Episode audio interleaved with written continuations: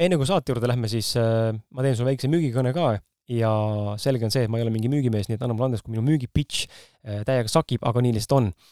küsin sult esimese asjana kohe seda, kas sa oled varem mõelnud, kuidas oleks võimalik õppida erinevate edukate inimeste elukogemustest? Äh, kui jah, siis raamat Kontaktis endaga sedasama asja sul tegelikult teha aitabki. eelmisel aastal, eelmise aasta lõpus ilmus meil Million Mindset kirjastusega koos raamat Kontaktis endaga. niimoodi kõlas see raamatulehtede lappamine. See on mul praegu siin käes, hea raamat. ja see raamat Äh, sisaldab siis neljakümne kuue erilise inimese lugu, mis aitavad sinul saavutada eneseteadlikkust, õppida end paremini tundma, saada vabaks oma piiravatest uskumustest ning elada seejuures kergemat elu, mis tegelikult ongi meie, meie kõigi eesmärk, vähemalt minu oma. raamatus leiad vastused küsimustele nagu näiteks, kuidas olla autentsem, kuidas mõtlevad edukad inimesed, kuidas leida oma tee ja kirg, kuidas toimib ideaalne paarisuhe, kuidas saada lahti kompleksidest ja alaväärtustundest, kuidas vabaneda hirmust ja hukkamõistust, kuidas kuulata oma intuitsiooni ehk sisetunnet ja veel palju-palju teisi küsimusi, millele sa vastused saad, need kõik lihtsalt ei mahu praegu siia väiksesse reklaamiklippi.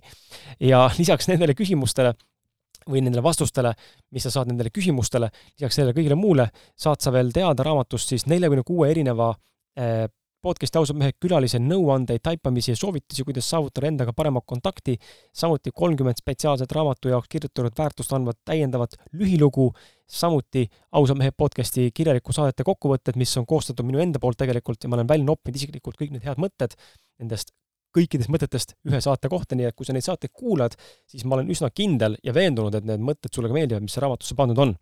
lisaks saad sa minu isiklikke mõtteväljendusi lugeda, ja samuti saad sa palju uusi teadmisi, praktilisi harjutusi, inspiratsiooni ja motivatsiooni sellest raamatust. ta on mõnus, mõnus käsikiri eh,, käsikiri jah, mõnus eh, käsiraamat, millega lattake endale või teistele vastu tatti anda verbaalselt ja kindlasti sealt motivatsioon sulle tuleb. raamat Kontaktis endaga eh,, ausad vestlused elus ja pildis, esimene osa kirjeldab esimest sadat maha peetud ausat, autentset ja värskendavalt toorest vestlust. kui sa soovid seda raamatut endale saada, siis ole ja mine külasta kriskala.com või miljon.ee lehekülge, minnes nende e-poodi ning endale see raamat sealt ka saad siis endale tellida. tellides selle kriskala.com kaudu on raamat tulemas ka autogrammiga või pühendusega. raamatu hinnaks on seitseteist, seitseteist üheksakümmend viis eurot ja sellega on äh, meie reklaam läbi. aitäh sulle ja ilusat kuulamist!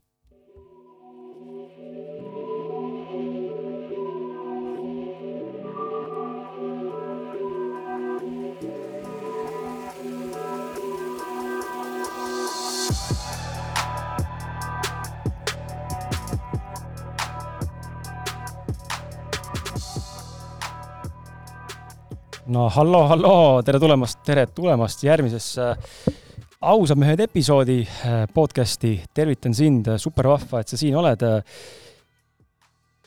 kihvt on ja jah, korraks tekkis error, vaatasin, sekundid jooksevad nulli, mõtlesin, et saab täis, aga tegelikult see on selle intro laulu sekundite jooksmine, nii et cool. väiksed segadused, aga jaa, kihvt, tore, oleme taas eetris. ja liigume nüüd siis küll tasapisi see on küll kolmas, kahesaja kolmas episood, kui ma ei eksi, aga liigume tasapisi kolmesajanda episoodi suunas, nii et ähm, nii et jaa, et ma tegelikult mõtlesin teha nalja, et sellest tänasest episoodist saab viimane meie podcast'i episood, aga aga mm, see nali ei oleks nii relevantne, sellepärast et inimesed ei kuula seda laivis, täna on esimene aprill, kui me salvestame, siis oleks olnud see võib-olla mm. relevantsem. aga kui sa kuulad seda kodus järgi, siis äh, võib-olla see ei ole nagu nii hea ja võib-olla äkki see šoki üldse, nii et ma igaks juhuks seda nalja ei tee. pooleli ei jää, paneme edasi. ja ja egas midagi, ilma pikema sissejuhatuseta olen täna stuudios koos äh, ühe ägedalt, äh, ägedalt ägeda noormehega ja, ja loen kohe tema sissejuhatuse ette sulle ja siis lähme kohe teemadesse sisse, et täna on samuti palju rääkida, nii nagu ka eelmises e tegelikult kõigis, kõigis podcast'ides, mis ma olen teinud, olen siis enamasti inimestega on päris palju olnud äh, erinevaid teemasid rääkida, aga tänane episood sarnaneb natukene Siim Landi omale, mis oli siis kolm, kaks-kolm episoodi tagasi. et selline natuke võib-olla ma ei teagi, detailidesse rohkem või kuidagi mikrotasandist äh, ka võib-olla rohkem rääkiv, et ei ole ainult äh, inimese persoonist, vaid ka tema toodetest ja, ja tema nii-öelda siis äh, brändist ja kõigest muust, et midagi hästi sarnast, nii et anname ka tuld. sellel korral istub siis minu vastas Sentevägi brändi looja Henri Liiv, kelle puhul tuleb tunnistada, et tegemist on üsna mitmekülgse ja ambitsioonika noore mehega, tema suureks motoks on vähem rääkida ja õpetada ning rohkem tegutseda. Henry on korraldanud viimased viis aastat sündmuseid nimega Intergalactic Journey, mille puhul on tegemist pehmelt öelduna siis underground sündmusega. ürituse eesmärk on luua kõigile võimalikult kodune ja vaba atmosfäär, kus igaüks saab tõesti lasta endale olla täpselt see, kes ta parasjagu olla soovib ja tahab. lisaks on Henri ka ettevõtja, tõsi, ütleb, et palgatöö on tema jaoks elu suurim karistus, ma täiesti nõustun, sellest kindlasti korra, korra peatume ka sel teemal. Mm.. tema tegemistest on välja kasvanud bränd, Äh, Seente vägi, mis algselt esimesed poolteist aastat oli põnev enesearengu projekt, aga ärina ei pakkunud absoluutselt pinget. peale Seente vägi brändi on Henri testinud veel mõnda äriideed, kuid need on tema enda sõnul totaalselt fail inud. hetkel arendab ta enda teist ettevõtet, milleks on toidulisand nimega Brain Brain, mille puhul on tegemist maailma esimese toidulisandiga, mis aitab ükskõik mis narkootikumist või alkoholist tarbimisest ülikiirelt taastuda. ja ühtlasi on Henri omanud ka väikest äh, joogakooli Tallinnas, nii et sellise väikse sissejuhatusega tšau, Henri! tšau! siin on juba sissejuhatuses hunnik asju, kus kinni võtta ja, ja minu küsimuste kava, mis ma olen koostanud, seda ka ette näeb ja spontaanselt ma hakkan ka sind kindlasti peedistama, eh, heas mõttes loomulikult, aga aga enne, kui lähme nende, selle kava juurde, siis sa jõudsid siin mulle saateväliselt mainida, et sa just olid äh, nädalasel äh, sellisel mõnusal tripil üle Eesti, et äh, matkasid ja, ja olid metsades, et räägi, kas, miks, miks, miks sa oled valinud looduse endale selliseks, ma ei tea, heaks sõbraks või, või viisiks, kuidas ennast maandada ja ja kus sa tegid, mis sa tegid? jaa mm,, selle koha pealt ma ütleks, et loodus ei ole kindlasti minu valik olnud kunagi Äh, inimesed, kaasa arvatud mu elukaaslane, näeb väga palju vaeva, et mind saada üldsegi korterist, korterist ümber maja jalutama ja ma pigem olen inimene, kes saab oma läpaka ja kõrvaklappidega kolm päeva väga hästi hakkama. aga mis on kindlasti minu teema, on üksindus. Äh, sellepärast, et äh, lapsena mu peres oli küllalt palju perevägivalda ja sellist, mul ei olnud sõpru, sellepärast et mind hariti pere poolt oluliselt targemaks kui keegi mu eakaaslane. ja seega lasteaias ja koolis ma ei suutnud mitte kellegagi suhelda, keegi ei tahtnud minuga mängida. seega ma ütleks, et umbes üheksakümmend viis protsenti oma lapsepõlvest vanuses kuni kolmeteistkümnenda aastani ma veetsingi täie, täielikus üksinduses ja mul olidki ainult kujuteldavad sõbrad ja nii edasi. ja siis nüüd elades juba poolteist aastat oma praeguse elukaaslasega, äh, siis äh, ikkagi lapsepõlvest saadik see koht, kus ma ennast päriselt mugavalt ja hästi tunnen, on üksi olles. ja olles nüüd elanud pikalt kellegagi koos, siis ma ei olnud ammu võimaldanud endale seda, et äh, lihtsalt üksi olla. ja, ja noh, ma, ma ise arvan siiralt, et see tuleb lapsepõlvest, et millega iganes me nagu oma väikses äh, väikses elueas oleme harjunud, see ikkagi muutubki selleks meie kohaks, kus me inspiratsiooni ammutame terve ülejäänud elu. ja seega see oli minu jaoks lõpuks see hetk, kus ma kuidagi hetke pealt tundsin, et nüüd kohe on minek ja pakkisin asjad ja läksin. ja ma ei teadnud veel, kuhu ma lähen, kus mu esimene, kuhu mu esimene kurv mind viib ja kas ma pööran paremale või vasakule, aga ma lihtsalt teadsin, et nüüd on aeg seda teha.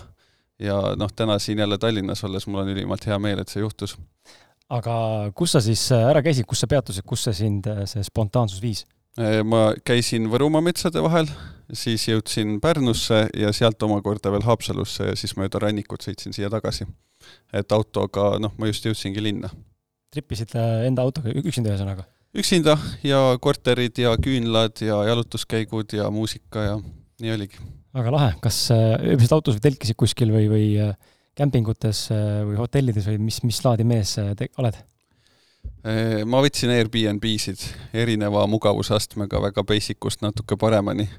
et see autos ööbimine on siiani olnud super, ma olen elanud ka päris portsu oma elust autos, aga aga hetkel ma ikkagi noh, ma olen juba hilistes kahekümnendates, eks ole, et vanus hakkab tunda andma et, et ma hindan väga oma une kvaliteeti ja ma enam, enam ei taha nagu autos ööbida niimoodi, kui mul just ei ole seal päris voodit mm. -hmm, mm -hmm täiesti arusaadav. ma, tundub, et see on, tähendab, see võib-olla kindlasti kõigi puhul nii ei ole, aga mulle tundub, et just nimelt see vanuse aspekt tuleb juurde, et mingist hetkest hakkad sa nagu hindama noh, võib-olla rohkem või noh, väärtustama, hindama rohkem mugavust eh,, omamoodi pehmust, on ju, või mingit mõnusat sooja aset, nooremana võid seal magada ka saunalaval, on ju, ja on mm -hmm. suva, on ju, et aga noh, see on selles mõttes huvitav, et ma ei tea, kas see tuleb vanusega või see on äh, kuidagi hoopis mingil muudel tingimustel.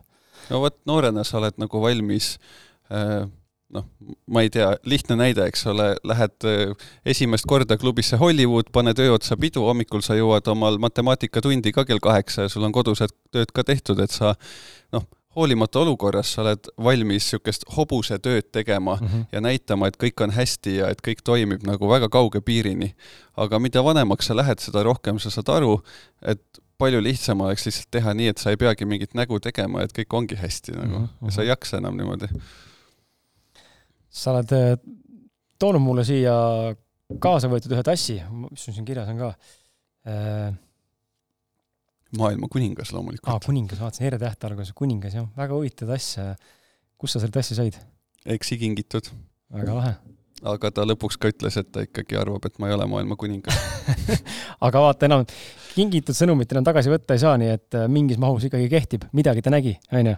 imeilus tass, väga hästi tehtud. väga, väga kihvt näeb välja mm.. aga siin sees on midagi palju paremat, et mis see, siin on niisugune oranž jook ta küll ei kihise, äh, tal ära, pulber on siin läbi segatud veega, on niisugune oranžikas, tume oranžikas, natuke isegi ongi pigem tume oranžikas, niisugune pruunika tooni ähm,, liivavärvi, tume liivavärvi ja muda, ma ei oska, ei oska öelda, niisugune oranžikas, ütleme niimoodi siis. ja, ja tal on äh, nagu, nagu apensilõhn on selles mõttes, tavaline apensilõhn ja, ja aga räägi, mis siin sees tegelikult on, mis sa, mis sa tõid mulle? see on siis tass Brain Braini, meie uus toode. maitse ka, ütle, mis sa arvad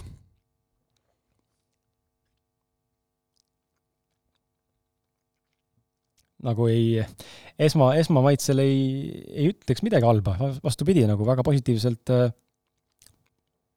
positiivselt meeldiv on. ta ei ole niisugust mm -hmm. keemiamaitset, ma oleks eeldanud, et tal on selline keemiline nagu järelmaitse, mõnel tootel mm -hmm. on, vaata kohe tekib selline, tuleb kohe meelde need kihisevad tabletid, vaata, mis müüakse, need kuradi mingid nii-öelda vitamiinid ja tegelikult need on täis, täis mingi pask, onju, aga et kihisevad need vitamiinid ja siis nendel on sihuke kon-, konkreetne selline noh, sihuke, sa tunned kohe, et sihuke rõve keemiline järelmaitse.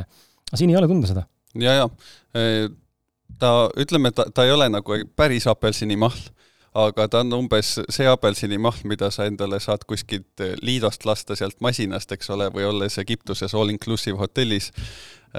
umbes selline, kuna tegemist on nagu tehniliselt tüübi poolest spordijoogiga, siis see on ikkagi väga suur samm edasi võrreldes sellega, mis praegu turul on ja me olemegi seda maitset nüüd kuude kaupa timminud ka paika. seal on küll kolm komponenti, aga variatsioone on lõputult, et selles mõttes see on äge tulemus.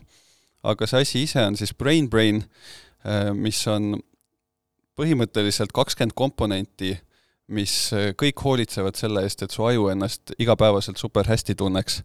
aga väga oluline funktsioon on selle juures ka see, et kui sulle meeldib panna pidu või oletame, et sa oled niisugune spirituaalsem tripija, kes tahab lihtsalt oma kaaslasega kümme hapet teha nädalavahetusel, eks ole, vahet ei ole, kumb, et igatahes need narkootikumid, alkohol, kõik need ained, nad häirivad su ajukeemiat paratamatult, nad viivad su kehast mingisuguseid vitamiine, mineraale välja, sa oled magamata, sa oled söömata ja see jook on see, mis aitab su kehal megakiirelt kohe oma taastumisprotsessid uuesti käivitada ja väga kiirelt jalule saada.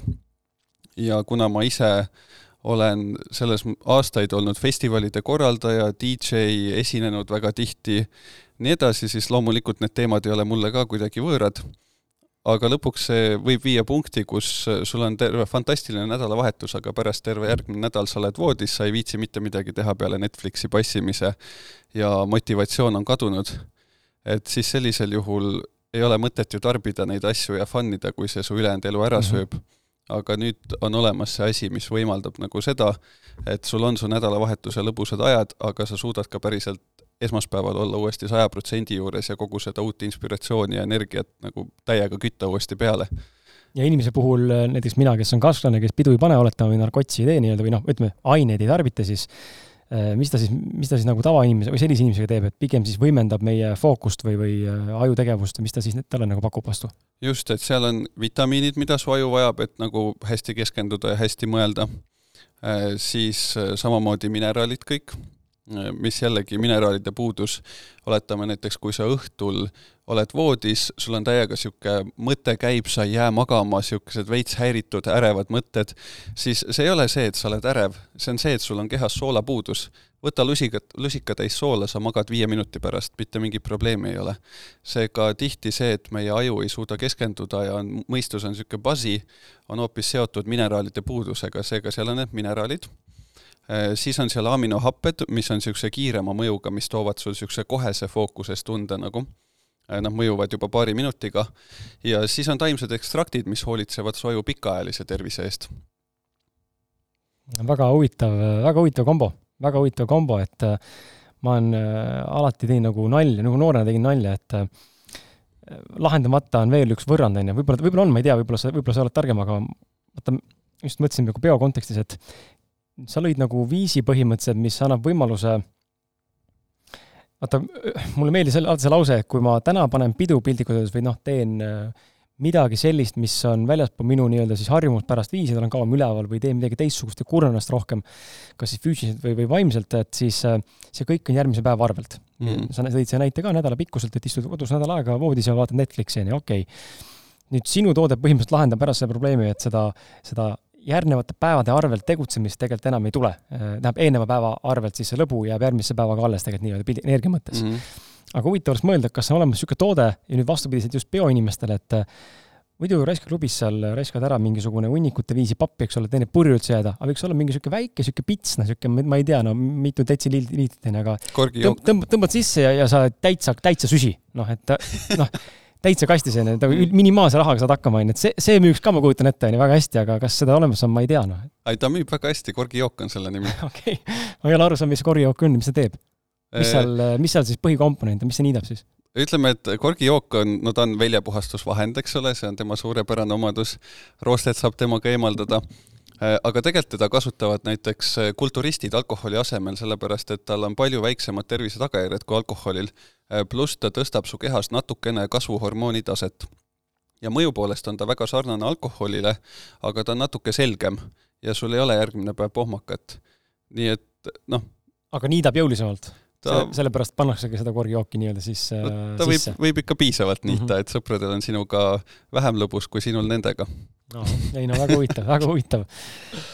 kust seda Brain Braini endale tellida ja osta saab, kui on kuulajal huvi? aa, meil tegelikult on ju ka, läheb ka loosi üks, et äh, õige, unustasin mainida, meil läheb loosi üks Brain Brain ja meil läheb tegelikult ka loosi, mis sa veel kaasa võtsid meile? Äh, Seente Vägi Lions Main on ka. jaa, voh, et Seente Vägi Lions Main, milleni me jõuame ka saate jooksul kohe, mis bränd see on ja millega see tegeleb. et need kaks toodet lähevad siis tegelikult loosi, nii et äh, kui sa praegu meid kuulad, äh, siis ole hea, mine otsi üles Facebookist ausalt meie podcast'i alt seesama, sellesama saate postitus, ilmselt on see postitus koos minu ja Henri pildiga ja jaga seda enda seinal ja, ja kirjuta sinna kommentaare, mõtteid juurde kõigi jagajate vahel siis äh, mm, ühesõnaga vaata seda, vaata postituse kirjeldust, sest me tegelikult salvestame ette ja ma ei tea täpselt, mis kuupäeval siis võitja ennustatakse, välja öeldakse, aga vaata kirjeldust, mis sinna kaasa panna, seal on kuupäev olemas eh, ja, ja kui kuupäev möödas, siis noh, sa võid kommenteerida, jagada loomulikult, aga lihtsalt siis võiduvõimalus on nagu läinud selleks ajaks. aga, aga jaa, et ähm, kus seda muidu osta saab, kui inimene nüüd oletame loosis õnni naeratanud ja tahab seda tarbima hakata, siis kuidas äh, ta seda kätte saab? jaa mm,, meil on koduleht www.brainbrain.eu ja siis on meil Facebooki leht, mis on Brain Brain sidekriips for serious party people. ja siis loomulikult see, kõik need ärid, millega ma tegelen, et selles mõttes need on minu isiklikud projektid ja sa võid ka lihtsalt Henry Liiv otsida Facebookis üles ja mulle kirjutada, et ma olen täpselt samamoodi eraisikuna olemas, ütleme nii. väga lahe, ma vaatan, tõmbasin selle koduka lahti ja, ja, ja siin on ahah, siin natuke on eestikeelset, ingliskeelset teksti korraga mm. -hmm, mm -hmm. ja meil tegelikult suund on ainult välismaale mm. -hmm.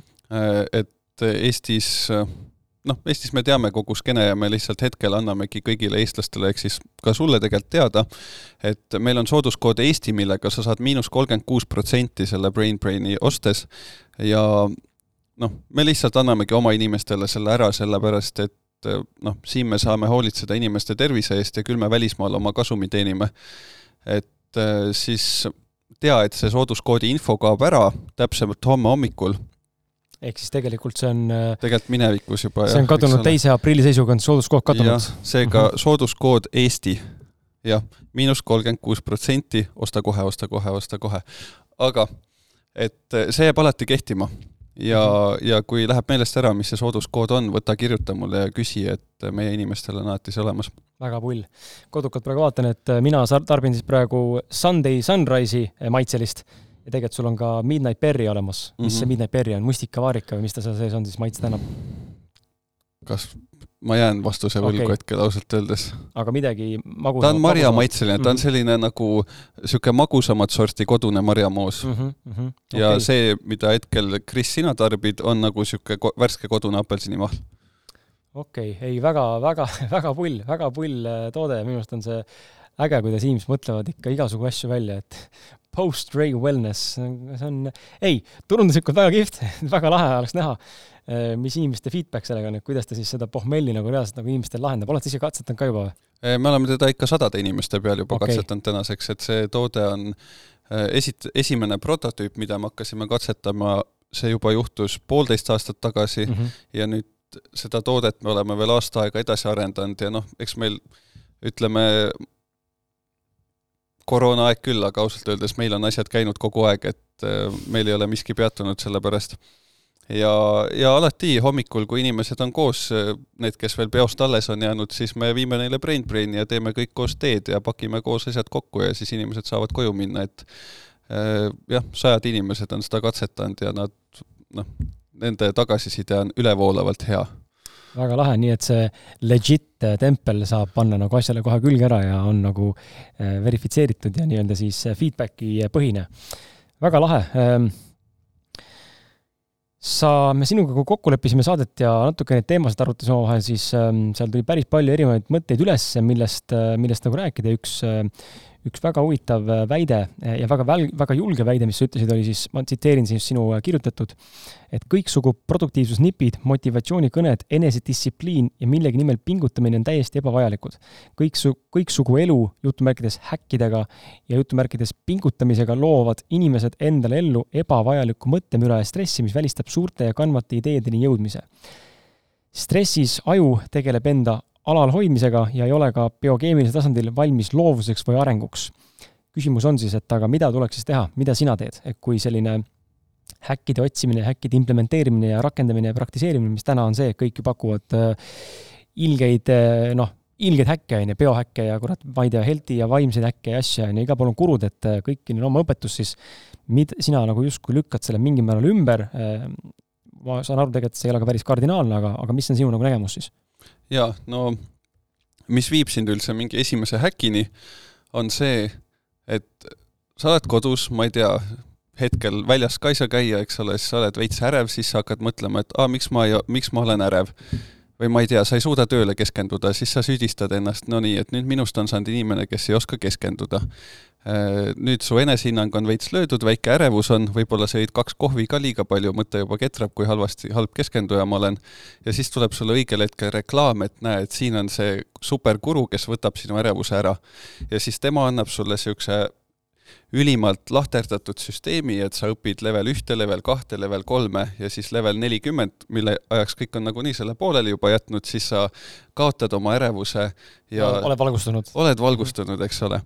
aga, aga selle tuumik on juba see, et me üldse ostame neid kursusi ja usume neid häkke sellepärast, et äh, me oleme nii noh, vaata inimese elu ongi niisugune, et sul on terve elu kogu aeg mingi sita häda nagu Äh, selle koha pealt, et kas sa tahad maailma parandada või sa tahad uskuda, et sina oled just see maailma päästja äh, või sul on vaja enda ärevust maandada ja nii edasi, aga noh, see tunne seal sees, et kogu aeg, et mi-, miski sügeleb ja kuskilt on vaja parandada, see ei kao kuhugi. Ja nagu teine perspektiiv on lihtsalt endale öelda, et jõu, täna on niisugune päev nagu, et ma ei pea nüüd hakkama selle pärast online shopping ut tegema ja ma ei pea hakkama maadlema sellepärast, et ma täna näiteks ei viitsi tööd teha ja et ma täna olen laisk. ja ma arvan, et me keegi ei ole inherently laisk, me lihtsalt oleme sellepärast kaldume igal võimalusel laiskusele või hajevil olemisele, sest me oleme nii väsinud. Meil on nii palju infot, mis sajab igalt poolt sisse, me oleme igale poole andnud mingid lubadused, mida me peame ära tegema, võib-olla meil on töö, mida me ei viitsi teha ja seda me teeme kaheksa tundi, ülejäänud aja tahavad naine ja lapsed meie tähelepanu. Siis ei saagi näiteks piljardit mängida. et äh, siis loomulikult, kui sa oled juba ennast sellesse nagu ülekoormamise tsüklis, siis äh, igal võimalusel sa hakkadki laisklema, projekte pooleli jätma, hilinema, sa ei suuda keskenduda, sul on ärevus, kõik need asjad, see on täiesti loomulik tagajärg sellele kõigele. ja sellele ei aita see, et sa poogid sinna külge veel mingeid produktiivseid nippe, et enam-vähem, et liftiga sõites ma loen ka ühe audioraamatu mm -hmm. kähku läbi või mis iganes. et et ähm, noh, see süsteem, see on nagu lappes lihtsalt.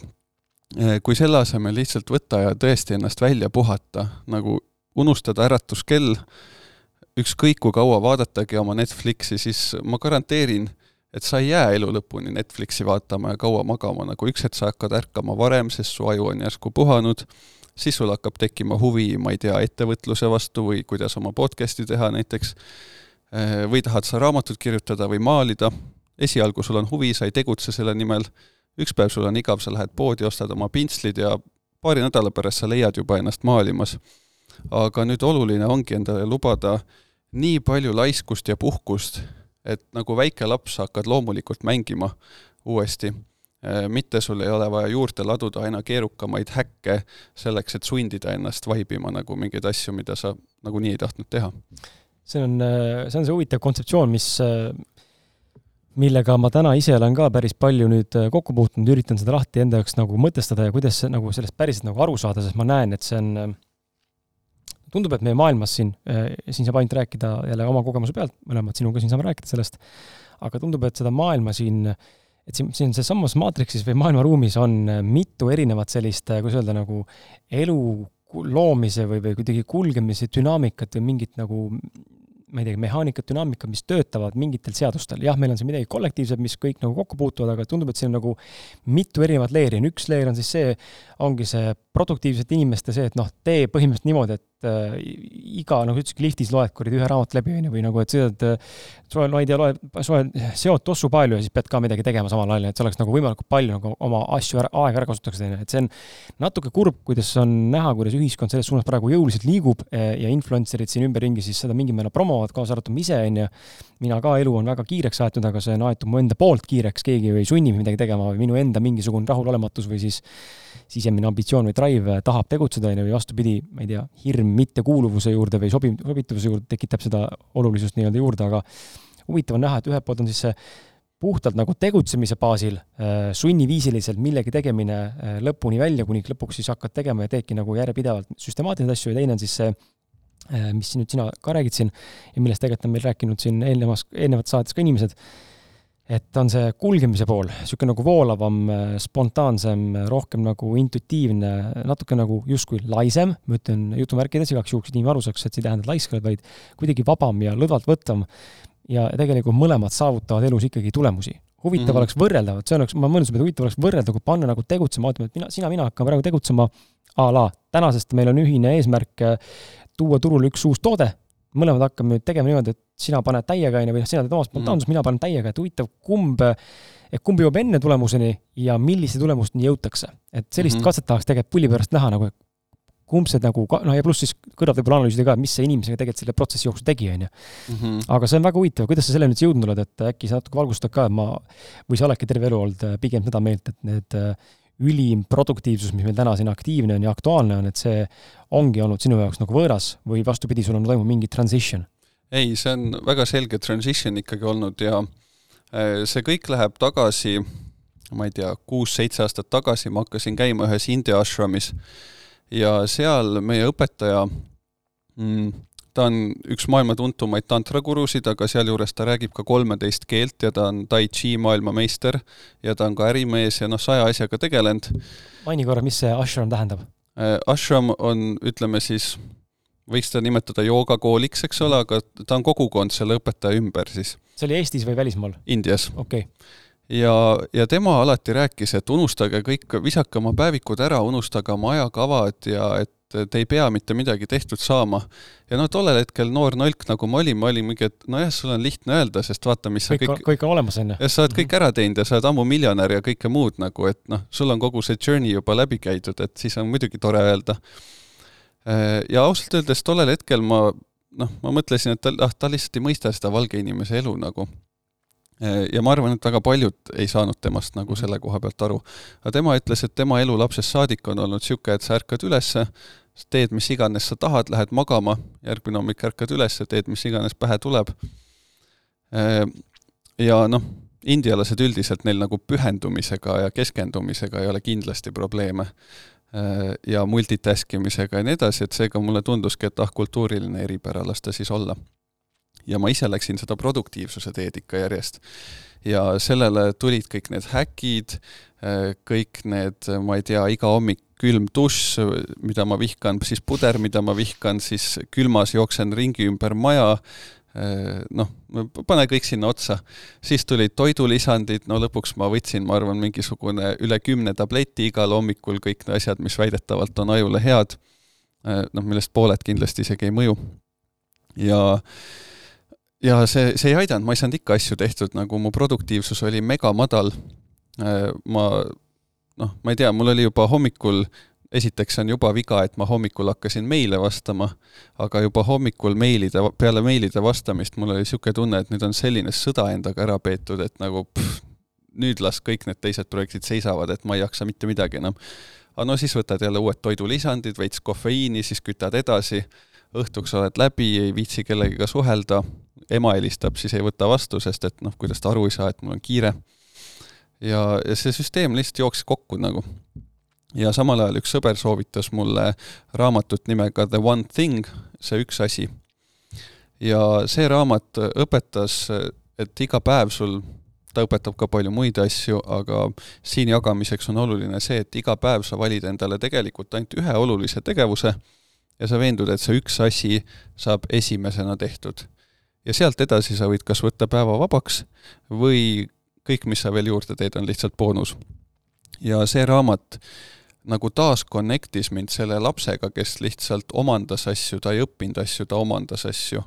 ta käis ringi, tal jäi meelde, mis ta rääkis inimestega, ta aju salvestas päriselt asju, ta luges raamatuid, sest need huvitasid teda, mitte sest ta oli kohustatud neid lugema.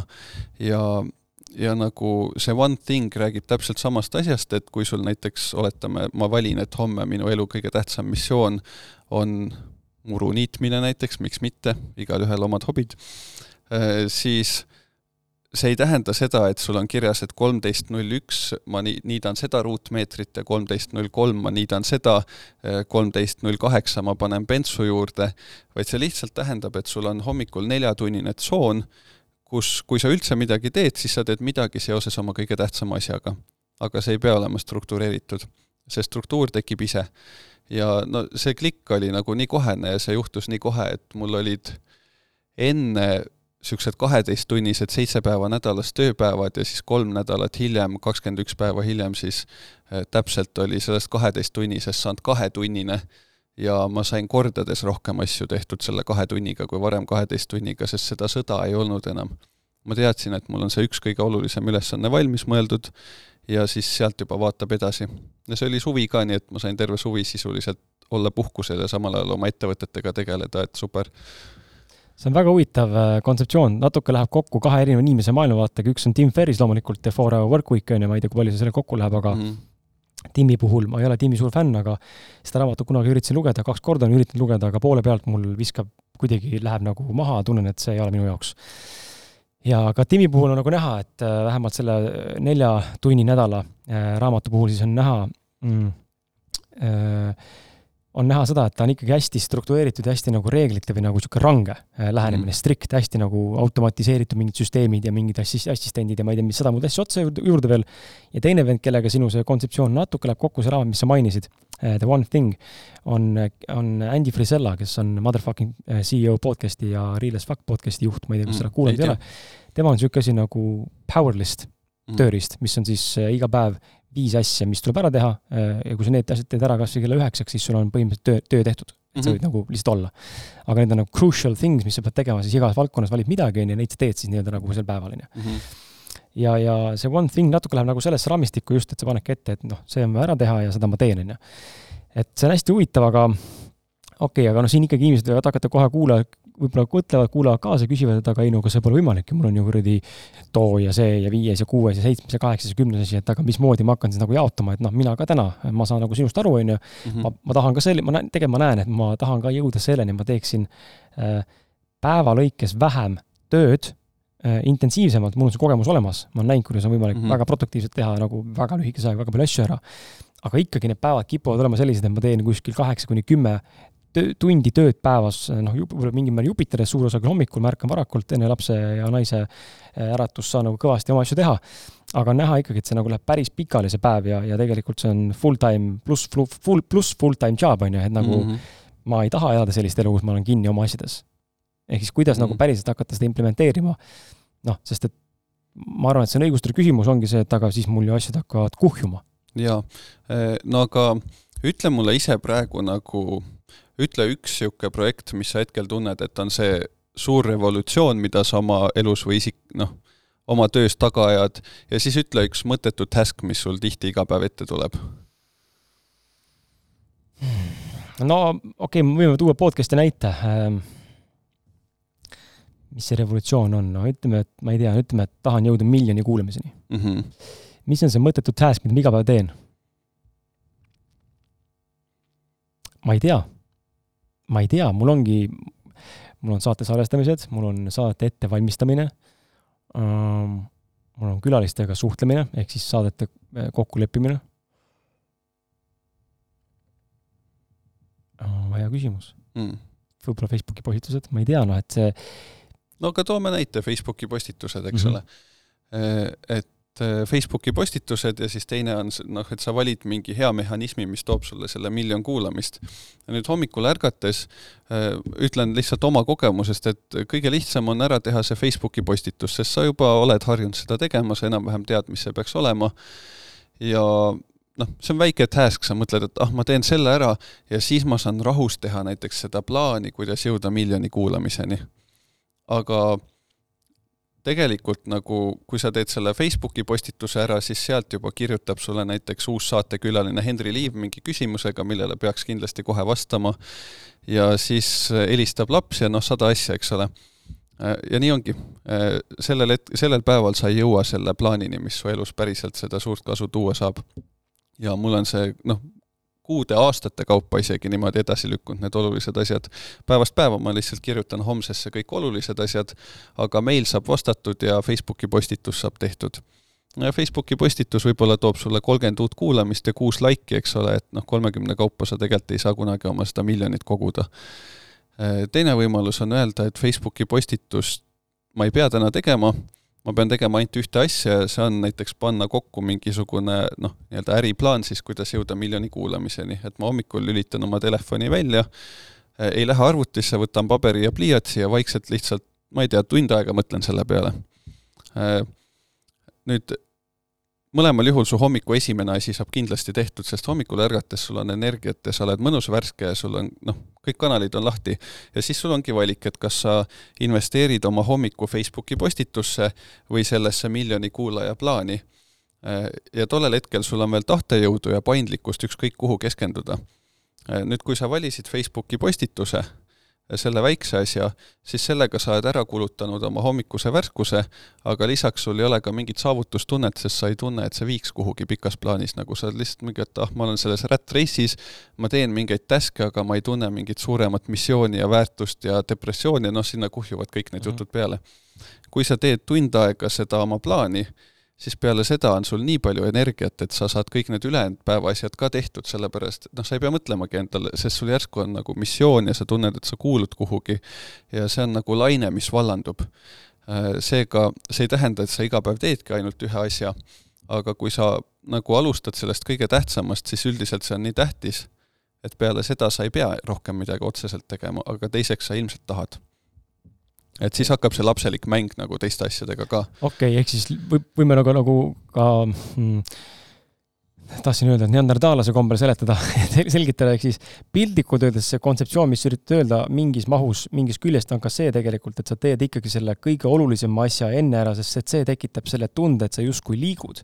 mis võib käivitada selle motivatsiooni, drive'i, ambitsiooni omakorda veel juurde tagant, et teha midagi muud seesama päev ära, versus siis see, ma teen nii-öelda ebarelevantsemaid või e-, ebavajalikemaid käike, mis nagunii saavad tehtud, kui ma võtan selle viis minutit a la Facebooki postituseni või ma ei tea, kellegi helistamine aga selle arvelt, kui ma neid asju teen, siis ma treenin ennast, ehk siis tõmban ennast tegelikult energiast tühjaks päeva jooksul või nagu tegemiste käigus, aega läheb ära, on ju, ma kulutan oma tegemist ja tegelikult suure selle põhiasjani ma tegelikult ei jõua, see lükkub kogu aeg edasi. just mm. -hmm jaa, ei, see on, see on, see on loogiline ja seda on huvitav äh, niimoodi siin kuulata, praegu siin jälgida, et ma mingite asjadega mul on siin, ma pidin selle, selle aasta, vaata kui huvitav, ennast on hea tanki panna siin ka, et ausad mehed on podcast'is ausalt rääkida, ma võtsin selle aasta eesmärgiks endale, et õppida krüptoga kauplemine ära ja no ma olen krüptosse investeerinud paar aastat, aga just nimelt, et kauplemine mm. -hmm. mis sa arvad, palju ma olen selle aasta kolme kuuga siis äh, krüptot õppinud kauplemiseks? no suht null, et äh, aga iga, ja iga päev lükkad järgmisse päeva, et homme ja. hakkan tegelema, homme hakkan tegelema. noh, loomulikult siin on ka see, et palju asju on käsikorraga, ise on võetud endale palju asju, palju projekte, mis kõik on mm -hmm. nagu vaata, siin tuleb jälle omakorda huvitav fenomen, ma arvan, et sa oled äh, ka selles mõttes selline ambitsioonikas inimene ja saad sellest aru ja võib-olla oskad äkki midagi soovitada. ja ma arvan, meie kuulajates on ka inimesi, kellel on see kogemus olemas, et täna minul on selline situatsioon elus, kus on, ma arvan, niisugune viis-kuus erinevat projekti, mis on kõik korraga nagu jooksevad Nad on kõik podcast'i ümber, nad ei ole erinevad mm. valdkonnad, selles mõttes on lihtsam jooksutada, aga nad võtavad ikkagi väga palju energiat ära ja siis see krüpto jääb nagu kõrvale. aga probleem või noh, põhjus, miks see niimoodi on täna, on see, et nad kõik on nagu selles mõttes tulise rauaga, et kohe võib kuskilt tulla see papisutsakas mm. -hmm. Nad hakkab kohe midagi pritsima mm. -hmm. ja järjepidevalt. küsimus on millal ja kas, on ju, et või isegi kas võib-olla ei ole küsimus, pigem on millal ja mis mahus. ja nüüd on küsimus, et aga kuidas siis nagu teha valikuid kui mul on mhm. kuus-seitse erinevat tegemist soolas, kõigil on potentsiaal midagi mul hakata finantsiliselt tooma, minu teekonda toetama, siis millisele ma fookuse panen, sest et kõiki korraga teha ei ole võimalik. ja no see on minu elus ka väga nagu äh, adekvaatne. adekvaatne ja ka aktuaalne teema ja äh, sellepärast, et hetkel mul on ju endal kolm ettevõtet ja siis mu festivalid ja noh, seal mul on ka muid hobisid selle kõrvalt. tellisin just endale klaverit, ma nüüd hakkan seda õppima aga eh, nii, mitte klaverist ma ei tahtnud rääkida, et kuidas seda valikut langetada mm.?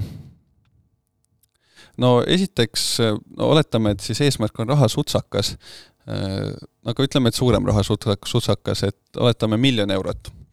et siis, kui on kuus projekti ja sulle tundub, et need kõik kuus on võimelised sulle miljoni tooma, noh siis eh, vali tuju järgi, eks ole, millesse sa investeerid.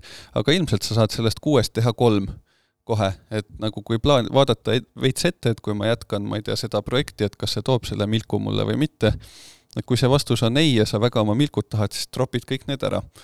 siis sul jääb alles kolm või siis jääb üks ja siis, aga oletame, et jääb kolm, siis vali see, mis sind ennast kõige põnevamaks nagu, mis on kõige põnevam. sellepärast, et eh, tegelikult nagu ükskõik mis ideesse investeerides, ma usun, et küll see ära tuleb nagu. jah, seal ei ole, seda kas-küsimust ei ole üldse, Äh, sa lihtsalt järjest otsidki võimalusi ja arendad, kuni see asi hakkab nagu laviin jälle kasvama. Mm -hmm.. okei. Lähme siit äh, teemale edasi, et äh, mulle see sinu moto väga meeldib, et vähem rääkida ja õpetada ning rohkem tegutseda. enne kui sa vastad küsimuse, küsimusele nagu mida see tähendab ja, ja millistes tegevustes see sinu jaoks siis tõesti väljendub, see meeldib mulle just sellepärast, et mul enda mentor, ähm, mentor on siis öelnud niisuguse huvitava lause, mis mul on kogu aeg, kogu aeg nagu meeles, aga seda on teinekord väga raske implementeerida või, või rakendada.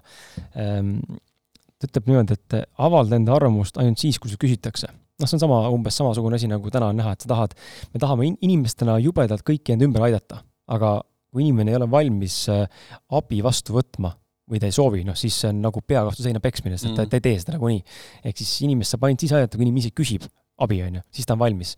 aga see sinu moto on huvitav, räägi sellest täpsemalt.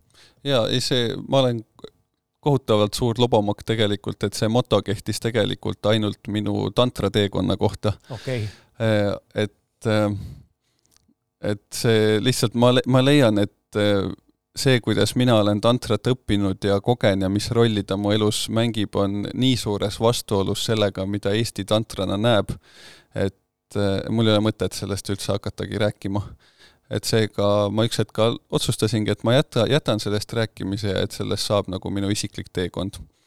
Eh, sest noh, Eestis on ikkagi tantra võrdub väga nagu mingi seksiõpetus. porno, porno põhimõtteliselt. porno jah, ja ikkagi nagu ütleme, tantrakoolis eh, kõik tundub hästi püha ja hästi kena, aga millegipärast just kõik kõige blondimate juustega tüdrukud kutsutakse õpetajaga mm -hmm. erasessioonile, eks ole, et noh, see ei ole päris see. aga aga seda võib ka seostada tegelikult minu nende sündmustega ja samamoodi, ma ei tea, mu seentega ja BrainBrainiga, et tänaseks küll ma tõesti ei soovita, kui keegi tuleb mulle rääkima, et ah, mul on ärev olla ja ei suuda keskenduda, ma mitte kunagi ei ütle, et proovi minu toodet. või festivalidel, meil ei ole mitte kunagi sellist tseremooniat, kus inimesed, ma ei tea, tulge, kogunege kõik siia nüüd ja laulame väelaule, eks ole, sellist asja ei juhtu, sellepärast et ma arvan, et niisugune, nimetagem seda maagiaks või õpetuseks või tarkuseks, mis iganes, see kandub ikkagi edasi, ütleme, meie, meie festival või meie toode on nagu radiaator. kui sa lähed selle kõrvale, et sooja saada, siis ta soojendab sind ja siis ta pakub sulle. aga see ei ole radiaator, mis nagu tänapäeva tolmuimejad ajab sind mööda tuba taga, eks ole, jälitab sind. et äh, inimene peab ise astuma kuhugi tsooni, äh, ise olema valmis abi saama või targemaks saama või ise kogema kas või lihtsalt lõbu, eks ole, kui ta on valmis lõbu kogema, siis ta astub sinna festivalile. ja kui tal on halb päev, siis ta kirjutab meile päev enne ja ütleb, et sorry, ma ei tule. et et seega ma mitte kunagi jah, ei, kõik, mida ma avaldan, on nagu kuskil ruumis olemas, aga ma isiklikult ei soovita kellelegi ega ei ütle kellelegi, et kuule, see on õige asi, et proovi seda mm. -hmm. see on turunduslikult äh, huvitav, äh, huvitav äh, lähenemine, natuke läheb kokku, ma ei tea, kas sa Andrus vanasti oled kuulnud mm? -mm. üks, me on saates käinud palju, ta on selline, ütleme siis lihtsalt öeldes, ta selgitab, tema maailma tõlgendus on siis, ta räägib ühesõnaga kvantfüüsikast aga väga nagu lihtsas äh,, nagu selles mõttes lihtsas, natuke isegi labases vormis, et mm -hmm. inimene saaks sellest aru, mida ta mõtleb, aga ta räägib äh, puudusteadusest ja külgetõmbeseadusest põhimõtteliselt, nii-öelda piltlikult öeldes siis sellest, kuidas meie emotsioon või tunne loob siis seda reaalsust. Ja temal on nagu, ütles kord, üks, üks, ütles välja ükskord niisuguse huvitava lause, mis pani mind mõtlema ja, ja tekkis küsimus, et aga kuidas siis nagu seda teist nagu teha. Äh, ta ütles, et turundus on puudusteaduse kiirgamine mm. -hmm. sest et sa turunduse jooksul teed mida? sa tahad saada rohkem raha, rohkem kliente, rohkem müüki, sellepärast et sul on puudu, muidu sa ei tahaks rohkem saada, piltlikult mm -hmm. öeldes. Ehm, ehk siis sul pole piisavalt, sa tahad saada rohkem. Ja siis mul tekkiski nagu mõte, sinu see lause ka mingil määral läheb nagu sellesse aknasse, et kui, kui nüüd mitte nagu soovitada ja, ja tungivalt äh, väärtuspõhiselt nüüd oma toodet ja teenust müüa, siis kuidas oleks seda mõistlik teha? noh, kui sul on toode-teenus, oletame noh, kas või see Brain Brain või Sente Vägi või mm -hmm. kuidas sa jõuad siis klientuurini, kui sa tegelikult neile ei soovita? kuigi sa saaksid tegelikult ju noh, tegelikult saab soovitada kõigile põhimõtteliselt, on ju, aga sa ei, ei kasuta seda viisi, vaid siis mis on sinu see kommunikatsiooniviis või see signatuur seal taga, kuidas sa jõuad siis selleni, et inimesed ostavad tegelikult? Kuidas ennast müüa ilma müümata? see on hea küsimus mm,. festivalide koha peal ütleme lihtsalt, me, me kallame endast nagu kõik, mis me, me anname endast kõik, mis me saame, et nendel inimestel oleks tõesti võimalikult tore see ei tähenda seda, et meil on kõige uhkemad laserid või meil on kõige paremad esinejad, vaid see tähendab, et et hommikul me lähme, viime neile pleedi, kui neil on külm ja anname teed neile korraldajana või teeme neile hommikusööki, kui me näeme, et keegi on väsinud näoga, et me nagu tõesti so tol hetkel, kui me midagi korraldame või jagame mm, või oletame, et ma oleksin kuskil messil eh, oma seeni müümas Äh, või kui ma olen siin sinuga rääkimas, siis minu tähelepanu on sada protsenti ja see on nagu absoluutne hoolimine sellest teisest poolest sel hetkel. Äh, ja, ja ma arvan, et see lihtsalt kandub edasi.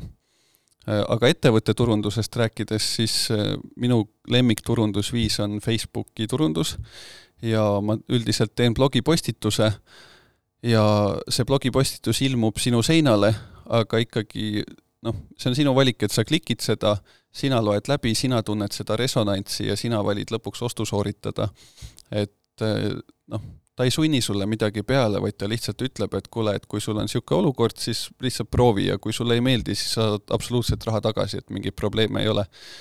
et eh, me proovimegi siiralt olemas olla inimese jaoks mm. -hmm.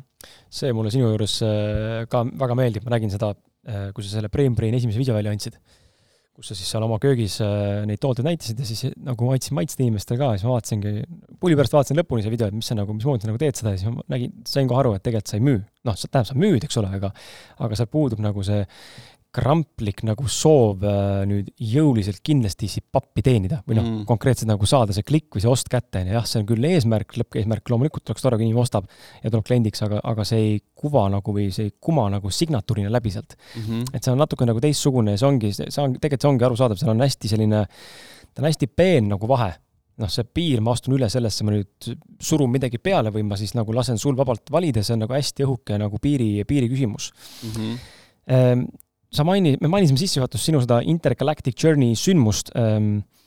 räägi, mis asi see on, äh, kas see ongi see festival, mis te korraldate või see on midagi, midagi muud omakorda nüüd juurde? Äh, meil on, ütleme, need sündmused, äh, ta on seeria, sündmuste mm -hmm. seeria ja iga suvi on meil festival ja aasta sees on meil ka oma sündmused. ja meie olulisem eesmärk või ütleme, tulevikuvisioon on siis see, et meie kasutada oleks suure festivali eelarve, tõesti piiramatult raha, selleks, et jällegi pakkuda oma sajale inimesele ülimalt head kvaliteeti. ehk siis me kaotame ära suured lavad, me kaotame ära liiga fancy'd dekod, kuigi meil on siiski kuuekümnepealine tiim, kes saja viiekümnele inimesele nädal aega asju korraldab seal ja ehitab. Äh, aga me teeme sellest kõigest sellise vaibi, nagu sa oleksid ikkagi enda maakoju tulnud.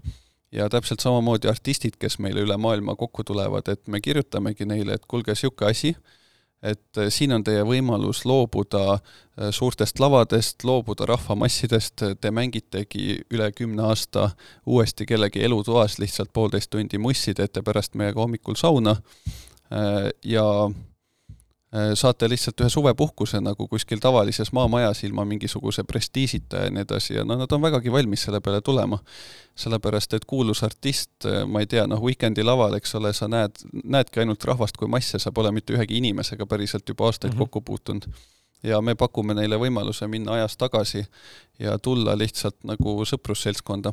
vahetusse kontakti selles mõttes? absoluutselt mm -hmm. vahetusse, jaa. ja ja sama asi inimestele, et kui nad tulevad sinna, siis nad ei tule kuhugi intergalactic journey'le, vaid nad, nad igaüks tunnetab, me hoolitseme selle eest, et nad tunneks, et nad tulevad enda koju.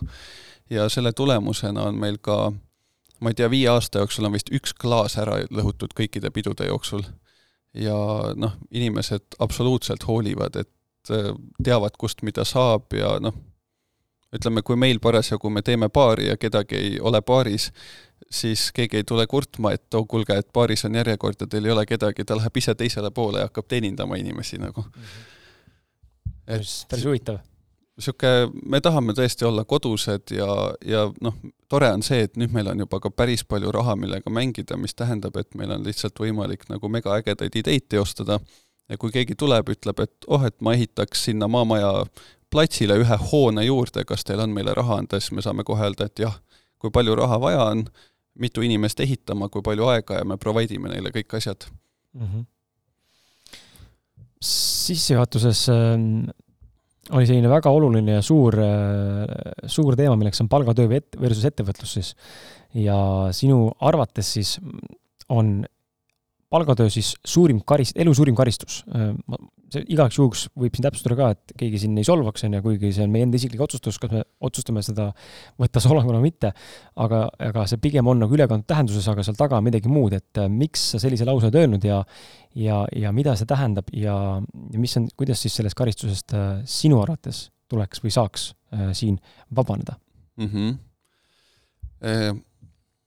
töö vastu mul ei ole midagi aga alati, kui on kohe tulnud tööleping, mis sisaldab ka palka minu jaoks, siis ma jooksen kohe teise suunda või siis ma hakkan oma ülemusega nii kaua norima, kuni ta mind vallandab või noh, mis iganes käitumismustrid sealt tekivad äh,. hästi see ei lõpe igastahes äh,. aga kuni on mingi prooviaeg ja ma ei ole sentigi veel palka saanud või midagi, siis see kõik on minu jaoks huvitav.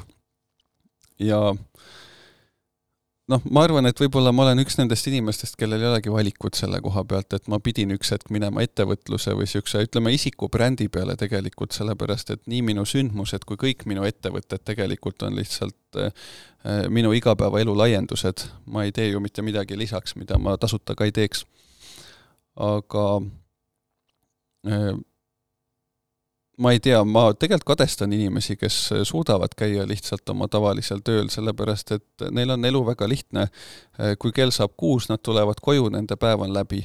ettevõtjana või ilmselt sa isegi tead, et sul on koju minnes alati võimalik veel südaööni edasi töötada ja laupäeval töötada ja pühapäeval töötada ja siis on kogu aeg sinu ambitsioonid, mis sunnivad sind rohkem pingutama, et et äh, ma vaatan kõrvalt inimesi, kes on näiteks viis aastat ainult ühte sama tööd teinud ja õhtul lihtsalt võtavad vabalt, et see on nagu ka tore. Äh, ma ei ütle, et üks on halvem kui teine.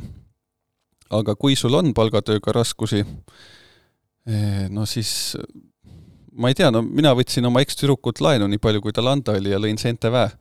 et, et lihtsalt proovi mingit ettevõtte ideed see ei ole üldse raske, sul on lihtsalt kellegilt vaja paar tuhat eurot, et oma mingi algkapital kätte saada ja igaüks on sind valmis tee peal aitama. ja siis ilmselt sa teed aasta-poolteist nagu suht tasuta tööd, aga varsti jällegi sul on nagu võimalik alati võtta vaba nädal või isegi vaba kuu või kolm kuud ja su ettevõte kasvab edasi ja sul on nagu väga hea sissetulek ja sa saadki tegeleda sellega, mis sind huvitab. kõige olulisem on, et võta ja proovi ja ära mõtle, et sa ei oska, sest et fakt on see, et isegi ärikooli lõpetanud tüüp ei tea mitte sittagi nagu mm -hmm. ettevõtlusest, see lihtsalt ei ole võimalik nagu. ja ilmselt su esimene idee ongi halb, aga siis sul tuleb peale selle esimese ideega fail imist uus idee, mis järsku on ülihea. et eh, siis käi seda teist rada tõesti ja ära nagu pinguta, et sobituda sellesse palgatöö vormi. jaa, ma arvan, et see on, eh, see on üsna niisugune oluline koht, kus endaga selles mõttes ka aus olla ja ennast kõrvalt analüüsivalt osata nagu näha. noh, sinul, minul praeguse vestluse käigus ma võin nagu väita, meil on see oskus olemas, aga ma kujutan ette, et paljudel inimestel ei ole ja ja noh, õnneks on see nagu arendatav ja parendatav seis. see ei ole nagu jäädavalt niimoodi, aga, aga ma ise näen enda puhul sama asja, ma alles hiljuti mõistsin, miks mul on miks mul on niimoodi, et mul lähevad siin, ütleme, viimase viie aasta jooksul on tööpositsioonid läinud periooditi lühemaks no et oletame kaks, kaks aastat, siis järgmine tuli aasta juba, siis oli kuus kuud, siis oli nädal, on ju, siis oli päev, on ju, siis sai otsa, on ju. et nagu hästi tugevalt läheb nagu kogu aeg lühemaks see periood, kui tööle hakkad minema ja palganumber tekib sinna, kas isegi ettevõtluses tehas, tehes asju, näiteks mm -hmm. ma lähen arvetepõhiselt OÜ-tama nii-öelda siis kellegi alla, on ju, siis ka seal tekivad samad probleemid mm. -hmm. ja ma olen mõistnud, et minu, minu puhul siis äh, on täitsa võimalik äh, suur tõenäosus, et minu üks teedest või nagu viisidest, äh, kuidas ma siin endale äh, pean kindlaks jääma või, või kuidas ma ennast siin siis täna Krisina defineerin, on siis see, et ma pean tegelema ainult iseenda asjadega. ma ei mm -hmm. saa, ma ei saa täita teiste inimeste unistusi, sest see lihtsalt ei tööta minu jaoks. mul tekivad konfliktid või ma tekitan konflikti teiste jaoks, noh, väga sarnane kirjeldus sulle, on ju, et täpselt sama. nii kui, et see lihtsalt, lihtsalt tulevad mingid absurdsed sündmused üles ja sa saad aru tegelikult, et perse, ma ei taha enam teha seda lihtsalt. ja, ja lõpmatuseni seda drive'i ei ole, aga kui teed oma asja, noh, podcast on varsti kolm aastat täis meil, eks ole, mind ära, ära täna veel ei elata, aga mul ei ole korrakski katkenud äh, ambitsioon või drive seda mitte teha, sest ma tean, et varem või hiljem sealt see süst nagu tuleb ja, ja tuleb järjepidevalt. et äh, see on hästi huvitav, kuidas enda asja tehes on see mott ja drive nii kõrge ja samal ajal kellegi teise unistust täites, teinekord võib ka olla loomulikult, kui sa oled inimene, kes hindabki palgatööd ja, ja, ja sellist nagu või, või, või siis resoneerub kellegi teise unistusega, see on täiesti mm -hmm. fine, tekib visioon ja sul kattuvad ja täiesti hull lähen sisse ja töötan, ju, see on nagu okei okay.. aga on hästi huvitav ennast nagu kõrvalt märgata, et mis nagu sobib ja mis ei sobi jaa mm,, midagi ma tahtsin siia lisada. seoses äh, palgatöö ettevõtlusega mm? -hmm. minu jutu peale või? jaa, vot kohe, kohe tuleb. mu mälu ikka tavaliselt toimib mm,. mõtlen, mis et ma äh, Warren Buffett ütles keegi küsis talt, et eh, noh, mis karjäärivalikuid peaks elus mm, -hmm. elus langetama. ja siis Warren Buffett ütles, et sa peaksid elus alati tegema ka raha eest neid asju, mida sa teeksid ka tasuta. ja noh, jällegi olles varem selles nagu palgatöö tsüklis niivõrd-kuivõrd, eh, siis no jällegi mulle tundus see soovitus nagu mingi rikka mehe soovitus, et noh, come on, nagu loomulikult sina teed seda, aga noh, mina pean ikka minema restorani teenindama. Eh, aga aga ikkagi nagu nüüd hetkel noh, ilmselgelt mul nagu mingit puudust enam elus ei ole, aga ma ka rikas inimene ei ole. et noh, loodetavasti vaimselt vähemalt olen rikas siiski, aga aga ma näen, et nagu edu on toonud ikkagi need asjad, mida ma olen teinud ainult kire pealt mm. -hmm. ja ükski asi, milles ma olen loogiliselt veennud ennast, et see oleks järgmine mõistlik samm, ei ole mitte kunagi kuhugi viinud et ähm, ja täpselt samamoodi, ma ei tea, su palgatöö võib olla, eks ole, kellegi teise jaoks olla aednik. aga võib-olla sa leiad nende lillede eest hoolitsemises nii palju lisaväärtust, et kui ta üks hetk ütleb, et sorry, mul ei ole sulle enam maksta, siis sa hakkad ka tasuta seal käima. vot sellisel juhul mine ja ole see aednik. aga kui su töö on selline, kus sa tegelikult ainult nagu ainus väärtus, mis sa vastu saad, on see palganumber, mille eest endale iPhone osta, siis astu välja lihtsalt see ei ole nagu see tsükkel, milles üldse eksisteerida, et siis tule välja, võta veits aega, et mõelda, tuleb mingi idee, võta ja hakka enda asja teostama. vahet ei ole, kas palgatöölise või ettevõtjana, aga palun teosta enda asja, see on nagu ainus viis, sest et muidu sa fail'id selles ja nüüd, mida Jim Carrey ütles, eks ole, et ta õppis oma isa pealt, et sa võid fail ida selles, mida sa pole kunagi tahtnud teha. seega parem on fail ida selles, mida sa oled alati tahtnud teha tuleme selle mm, sinu teise brändi juurde, Seente Vägi. see on äh, tiba pikem, pikem ettevõtmine ja selles mõttes äh, pikema perioodiga nagu või ajalooga olev äh, projekt ja, ja bränd, kui siis täna uus BrainBrain, aga noh, nende tausta, taustasüsteemid tegelikult on selles mõttes sarnased, sa oled, sa oled mõlemad tooted on sarnases nagu valdkonnas ja tegevusalas, et aga räägi natuke seente väest, kus see lugu pihta sai hakatud ja, ja kuidas üldse sa jõudsid seenteni piltlikult öeldes, eks ole, on ju, ja mis, mis värk selle brändiga üldse on mm? -hmm. mis sa pakud e,? alustame siis loomisest e,. seened hakkasid mulle huvi pakkuma loomulikult psühhedeelsetest seentest, ma ei tea, kui loomulikult, aga minu elus loomulikult. ja ja samal ajal ütleme, kui minu kommuunis olid väga levinud psühhedeelsed seened, siis hakkasid inimesed rääkima ka lõvilakast ehk Lions Mane'ist, mis on meiega noh, üheksakümmend protsenti, me oleme tegelikult Lions Mane'i bränd, kuigi meil on viis toodet. ja selle, mitu inimest küsisid mult selle kohta, esiteks nad küsisid, et aa, et kas sa tead Lions Mane'i, et see pidavat aitama väga hästi keskenduda ja olema ajule ja fookusele ülihea. ja teised küsisid ka, aga selle nurga alt, et äh, mul on vanaema juba vanaks jäänud, ta mälu ei toimi, et kas sina tead, kus saab Lion's Mane'i või oled sa sellest kuulnud, et tahaks oma vanaemale viia. ja kui need küsimused kuidagi noh, täiesti lihtsalt pidudel, ma ei tea, hommikul tiksudes kellegiga mm -hmm. nagu mhm. mitmest küljest hakkas tulema, siis üks hetk äh, ma lihtsalt ütlesin, et äh, ma ei tea, aga ma saan selleks tüübiks, kellelt saab Lion's Mane'i tol hetkel oli mu elus rahaliselt väga raske aeg, sest ma just kolisin uude korterisse Tallinnast väljas. see tähendas, et ma jäin oma tööst ilma, tuli talv, talv ja ma avastasin, et ma nüüd olen seal oma uues ostetud korteris koos üle neljasaja euroste kommunaalidega ilma palgata. ja mulle tunduski, et ma pean selle korteri müüki panema ja selle unistusena pooleli jätma.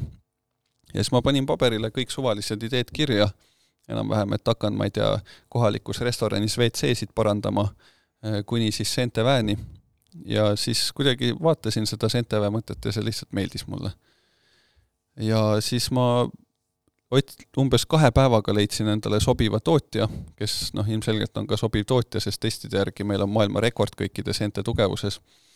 ja siis kaks päeva hiljem oli aastavahetus, kus parasjagu, kui mu ekstüdruk oli just õiges seisus, siis ma läksin, ronisin ta juurde ja küsisin, et palju sul mulle laenu on anda ja ta ütles kõik raha, mis tal on ja ma ütlesin, et ma võtan siis selle kõik, et ma nüüd hakkan ettevõtet tegema.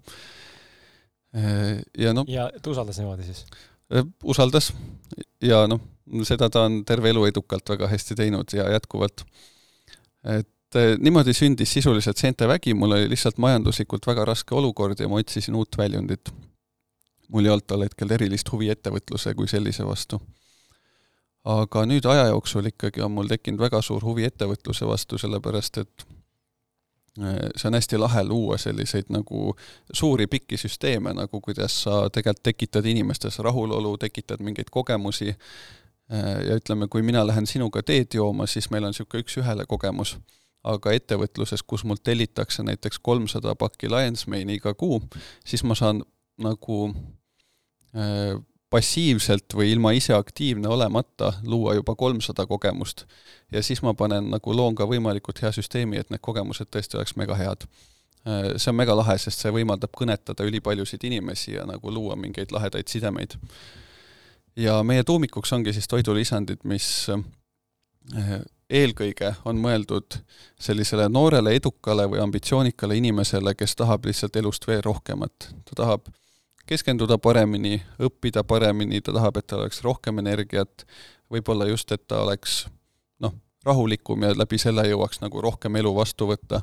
üht või teistpidi me teenime seda huvi, et inimesed äh, saaksid oma elust rohkem kvaliteeti. Ähm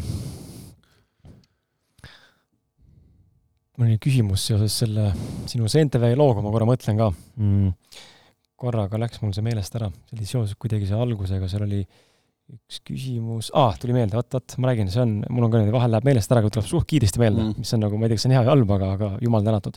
Eh, sa rääkisid testidest, et seal on eh, maailma tasemel nagu kõige, kõige parema nii-öelda siis, eh, ma ei tea, efektiga tooted või, või testitute mõttes nagu kõige parem Mm, kus need testid tehtud on, mis, mis annab selle testi nagu relevantsuse või sellise validaarsuse, kui inimene praegu kuuleb, siis noh, et ma võin ka väita, et mul on siin, ma ei tea, a la parim see, onju, aga, aga mille alusel seda nagu öelda saad?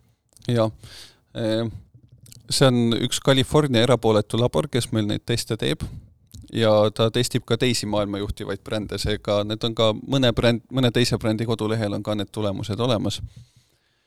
Ja mm, mul, mul on raske vist sõnadesse panna kirja või ka sõnadesse panna kirja, muidugi iseenesest väga hea juba, aga raske edasi anda nagu, kui retsilt me selle rekordi purustasime, mis nagu mm -hmm. täna õhus on. et äh, meil on nagu need toimeainest, toimeainete sisaldused on kõikidel toimeainetel umbes neli korda kõrgemad kui järgmisel brändil maailmas. Äh, ja ma olen suhelt ka maailma juhtivate mükoloogidega, eelkõige see on umbes niimoodi, et kui ma kirjutan päriselt maailma juhtivale spetsialistile, siis nemad on ülimalt huvitatud ja mul on väga põnev olnud nendega arutada, kuidas niisugused tulemused võiks tulla. aga kui ma postitan selle kuhugi mükoloogide gruppi või Redditisse, kus on pigem sellised nagu amatöörspetsialistid. ise hakanud spetsialistid. ise hakanud spetsialistid, siis seal, seal mul lihtsalt öeldakse, et ja kustutatakse mind sealt mm -hmm. foorumist ära või siis jah, öeldakse veel paar halba sõna kirjutatakse järgi ka, et et eh, noh, mis sa häirid siin praegust, eks ole, seenemaailma ja idikas. et aga mis see tähendab, on see, et tegelikult toidulisanditel, kui sa tellid ükskõik mis toidulisandit poest, siis see kvaliteet võib olla meeletult kõikuv.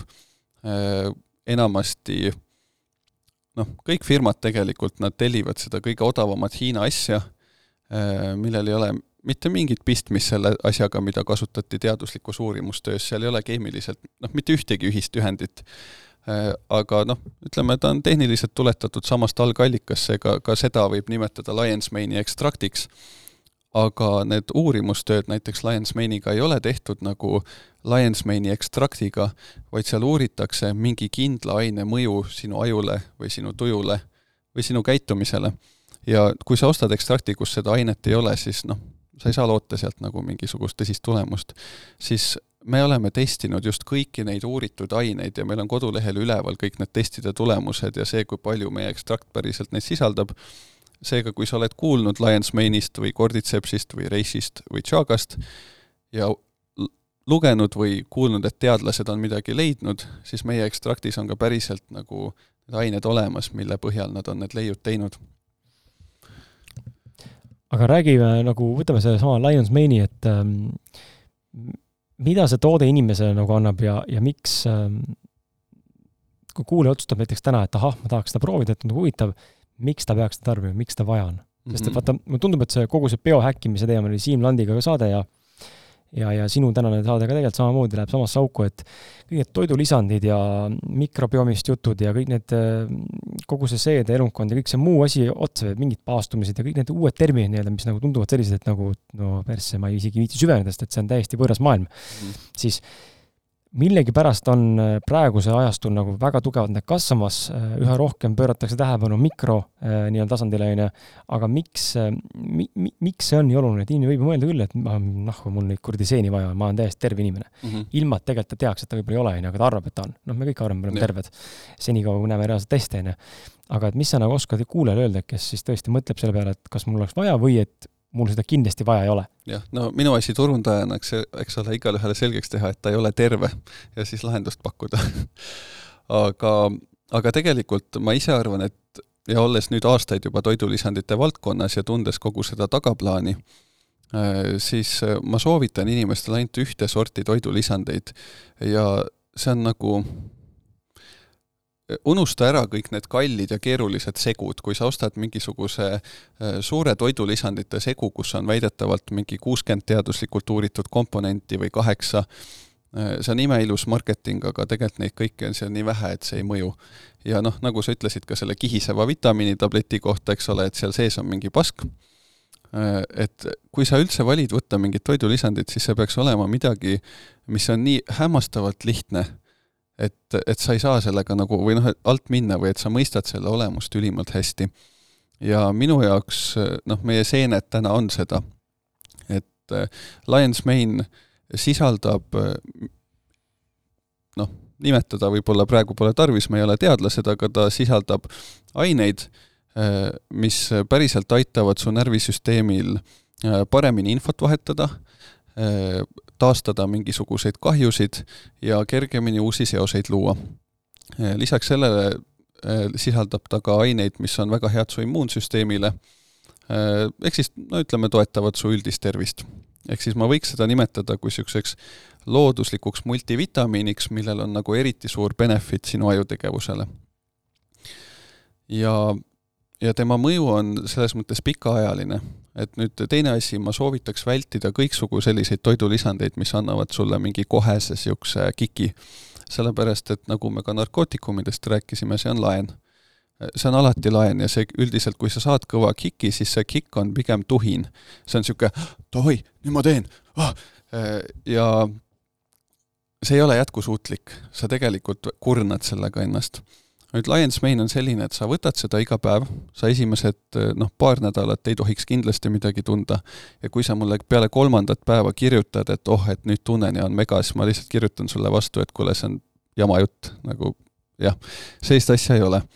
Aga nädalate ja kuude kaupa seda võttes on sul iga päev veits parem tuju, natuke lihtsam keskenduda, äh, sul ei ole vastumeelsust enam, et sa pead oma, ma ei tea, nõusid pesema, äh, sul on, paljud ütlevad, et neil on nagu niisugune vestlusoskus läheb paremaks. Äh, aga et ühel või teisel viisil sul on nagu kogu aeg veits parem olla, sa ei võta mingit laenu, sa ei valeta endale kuidagi ja ma ise usun, ütleme, kuude või aastate peale see asi, et sul iga päev on natuke parem olla, nüüd kui sa selle natuke parema suunad veel ka õigesse kohta, mida me ka õpetame seal oma meiliturunduses tänaseks, eh, siis see on tõeline rakett, sellepärast et see on nagu puhas pluss, see on puhas boonuspunkt, mis ei tule sulle mitte mingisuguse hinnaga ega tagajärjega. kas sinu neid eh, tooteid või üldse, kui me räägime toidulisanditest, ehm, siis kas neid eh, saab võtta nagu korraga, noh, oletame, et inimene tahab, tahab hakata tarbima praegu siin seente vägi äh, tooteid, eks ole, aga samal ajal tarbib kõrvalt võib-olla midagi muud ka veel, et kas nad hakkavad üksteist pärssima, kui nad on hästi sarnaste nagu toimeainetega või, või pigem seal ei ole nagu väga vahet? võib võtta ikka korraga ja tegelikult meil inimestel on juba omal välja kujunenud niisugune lemmik, et võtta korraga Lions Mane'i ja Cordycepsi Lions Mane annab sulle selle mõtteselguse, mul üks sõber ütles väga hästi, et eh, kui Lions Mane annab sulle selle selguse, et oma see aastaplaan välja mõelda, siis noh, Lions Mane ei panusta tegelikult sellesse, et sul oleks nagu ka energiat see asi lõpuni teha, ta lihtsalt hoiab sind alati maandatuna, selgena ja kohal.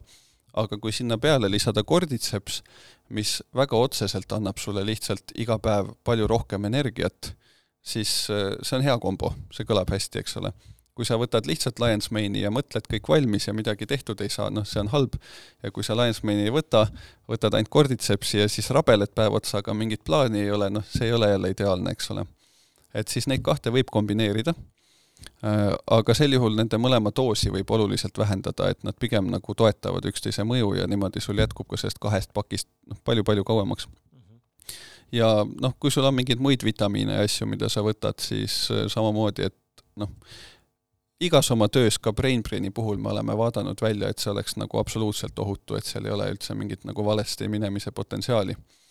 aga kui sa võtad täna palju toidulisandeid, siis nagu mina kui mitme toidulisandi firma omanik ütlen sulle ausalt, et lõpeta et, et nagu vaata need pakid üle ja mõtle reaalselt nagu, millist kapslit ja tabletti ja jooki sa päriselt võtma pead ja jäta need ülejäänud asjad ära noh, selge on ka see, et äh, me räägime siin quick fix idest, terve ühiskond on täna üles ehitanud quick fix mentaliteedile, kõike on vaja saada kohe, nüüd ja praegu, ja kui ma täna ei saa, siis on hilja, on ju. Mhm. aga selge on ka see, et toidulisandite puhul nad ju ei asenda tegelikult toitumist, täisväärtuslikku toitumist, täisväärtuslikku äh, või tervislikku toitumislauda või üldse toidu, toidulauda nii-öelda, et tegelikult ju võiks ka selles mõttes äh, nad on pigem toetavad, et see ei ole nüüd see, ma söön päevast päeva nüüd sitta ja siis tarbin Äh, seentevägi tooted, nüüd mul elu läheb paremaks, vaid need pigem toetavad siis samamoodi seda, mida ma tegelikult juba sisse panen sinna. jaa, äh, selle koha pealt ainus nagu superpower on ikkagi hea toit ja hea uni. ja, ja noh, seda ei asenda mitte ühegi toidulisandiga mm.. kui sa nagu tõsiselt tahad äh, oma unistusteni jõuda, siis nagu need quick fix'id või on hea ütlus inglise keeles, et shortcuts leave you short. et et need ei aita sind tegelikult lähemale, nagu sul ajutiselt sa lihtsalt tunned, et sa liigud rohkem mm,, tegelikult vaata üle oma halvad harjumused, vaata üle oma head harjumused ja tee nagu need päris elustiili muudatused.